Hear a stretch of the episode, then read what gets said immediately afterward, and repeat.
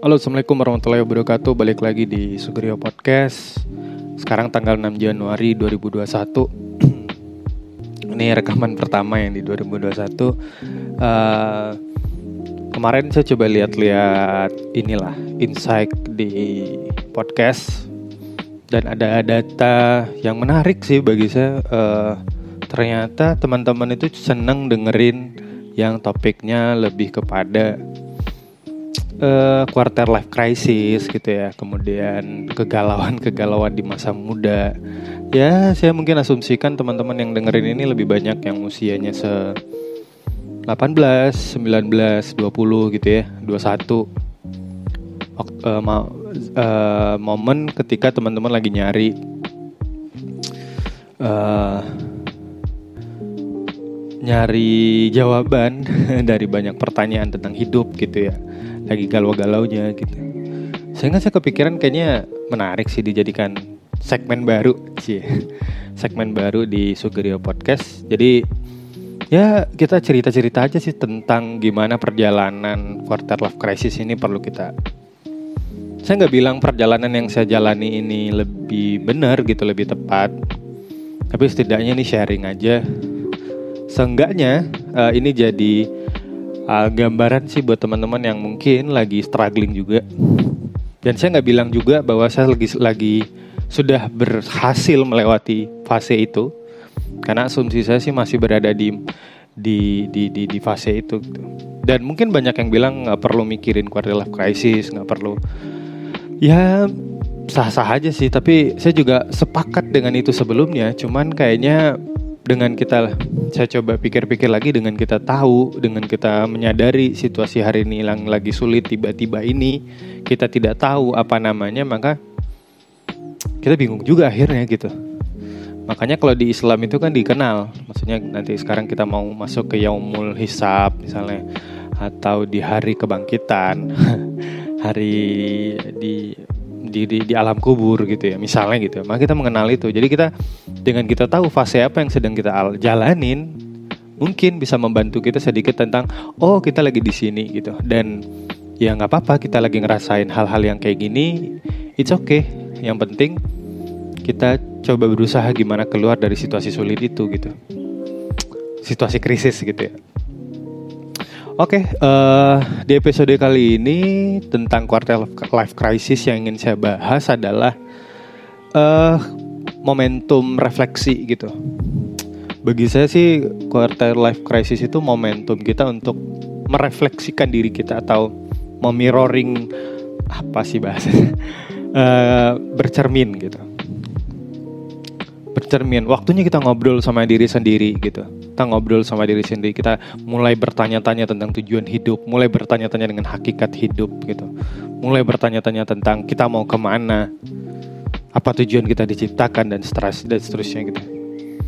Dan bagi saya sih itu situasi yang bagus gitu situasi yang uh, uh, uh, apa namanya uh, nggak ada nggak ada nggak ada hal yang buruk di situ gitu. Jadi nggak perlu ditakutkan situasi itu datang gitu karena ya dengan bertambahnya usia bertambahnya tanggung jawab gitu ya kita yang dulu kita mungkin masih sekolah kemudian masih dibiayai oleh orang tua ya. nah kemudian kita pindah ke kuliah kemudian pasca kampus gitu. Saatnya kita mulai berpikir tentang oke okay, gue harus gue harus lebih mandiri lagi gue harus lebih disiplin lagi lebih kerja keras lagi nggak ada lagi yang gue nggak bisa mengharapkan orang tua gue lagi kayak gitu gitu kan. Gitu bagi saya sih itu bagus-bagus aja dan di, di di di fase ini yang penting bagi saya sih di banyak hal yang penting lainnya adalah salah satunya adalah kita harus tahan banting teman-teman. Uh, ya mungkin saya di lain podcast nanti saya bakal cerita lah.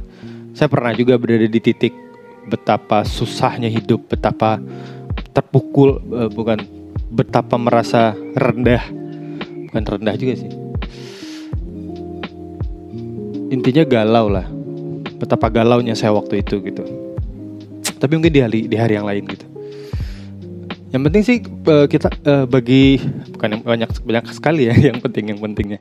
Uh, poinnya adalah dengan kita kita harus tahan banting karena kita harus tahu bahwa hidup ini berat gitu meskipun ya kita bisa bilang sih hidup hidup itu harus dijalanin proses ini uh, itu semuanya adalah bagian dari proses dan seterusnya gitu. Tapi dengan kita menyadari bahwa aktif uh, uh, perjalanan kita ini cukup berat, maka kita akan siapkan stamina yang lebih besar, energi kita lebih besar lagi gitu. Untuk kemudian bisa keluar dari situasi ini. Saya, saya kemarin menganalogikan ke teman-teman di kantor, semirip kita mau dari Padang mau ke Pariaman, kemudian kita kita tahu bahwa bensin kita di, di sepeda motor kita lagi habis, lagi empty gitu ya, maka yang harus yang kita karena kita tahu perjalanan ke Pariaman butuh energi gitu, maka kita akan isi bensin gitu. Isi bensin sampai full, kemudian kita akan baru melanjutkan perjalanan gitu. Tapi bayangin kita nggak tahu Pariaman itu di mana dan kita berpikir Pariaman itu ya deket sini aja, beberapa meter dari sini. Sehingga kita nggak memilih untuk tidak mengisi bensin gitu sehingga energi yang kita punya itu tidak bisa cukup tidak cukup untuk kemudian kita berjalan ke sana gitu uh, maka tujuan uh, tugas kita adalah membopong kereta kita ini gitu. Bukan membopong ya apa istilahnya. Ya uh, ya se, se, se, se, semisal kita berbicara tentang hidup ini berat ya anggap aja kita lagi membopong mobil yang berat gitu ke di perjalanan yang yang mendaki gitu ya perjalanan pendakian. Kemudian kita kerja keras untuk mendorongnya. Kata kuncinya adalah kita harus terus terus bergerak gitu kalau kita sempat berhenti dalam membopong mobil berat ini, maka untuk kemudian mengulang kembali pergerakannya akan lebih ku, lebih susah gitu. Hukum hukum Newton ya.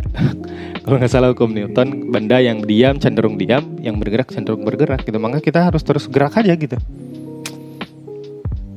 Dan mungkin kita akan mengalami yang disebut dengan kegagalan-kegagalan dalam perjalanannya gitu. Saya juga merasa, pernah merasa berada di fase itu dan saya prediksi bukan saya prediksi saya juga sudah eh, kita harus sudah siapkan juga bahwa ke depan kita akan menemukan kegagalan lagi gitu. Nah pertanyaannya kegagalannya seperti apa?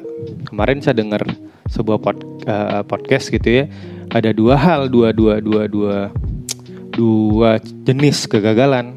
Kegagalan yang pertama kita gagal karena kita nggak tahu jalannya mau ke mana, sehingga kita eksperimen di sepanjang perjalanan. Atau kegagalan yang kedua kita tahu perjalanan menuju ke situ caranya gimana tapi kita nggak ngelakuin itu gitu.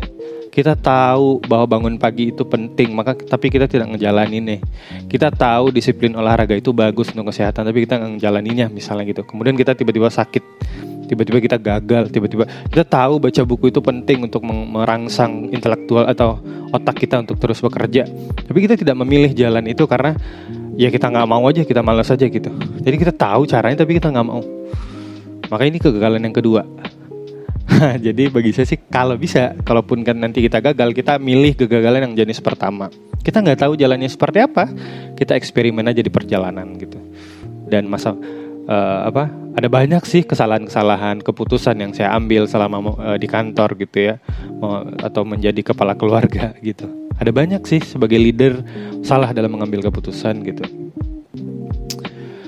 Uh, itu aja sih paling untuk pagi ini. Uh, ya saya rekamannya lagi uh, di situasi pagi sekarang di kantor.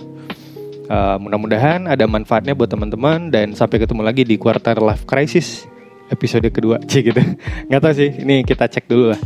Cek ombak gitu ya. Kalau bagus uh, uh, atensinya kita bakalan bikin lagi terus-terusan tentang segmen khusus tentang quarter life crisis. Oke, itu aja. Terima kasih yang udah dengerin bagikan ke teman-temannya. Kalau ada yang merasa ini ini bermanfaat di share di storynya di story IG-nya atau di sosial medianya. Dan kalau teman-teman ada yang mau nanya saya masih nunggu. Pertanyaan dari teman-teman di Instagram saya @riohavandi. Oke terima kasih. Mohon maaf kalau ada kata yang salah. Wassalamualaikum warahmatullahi wabarakatuh. Bye bye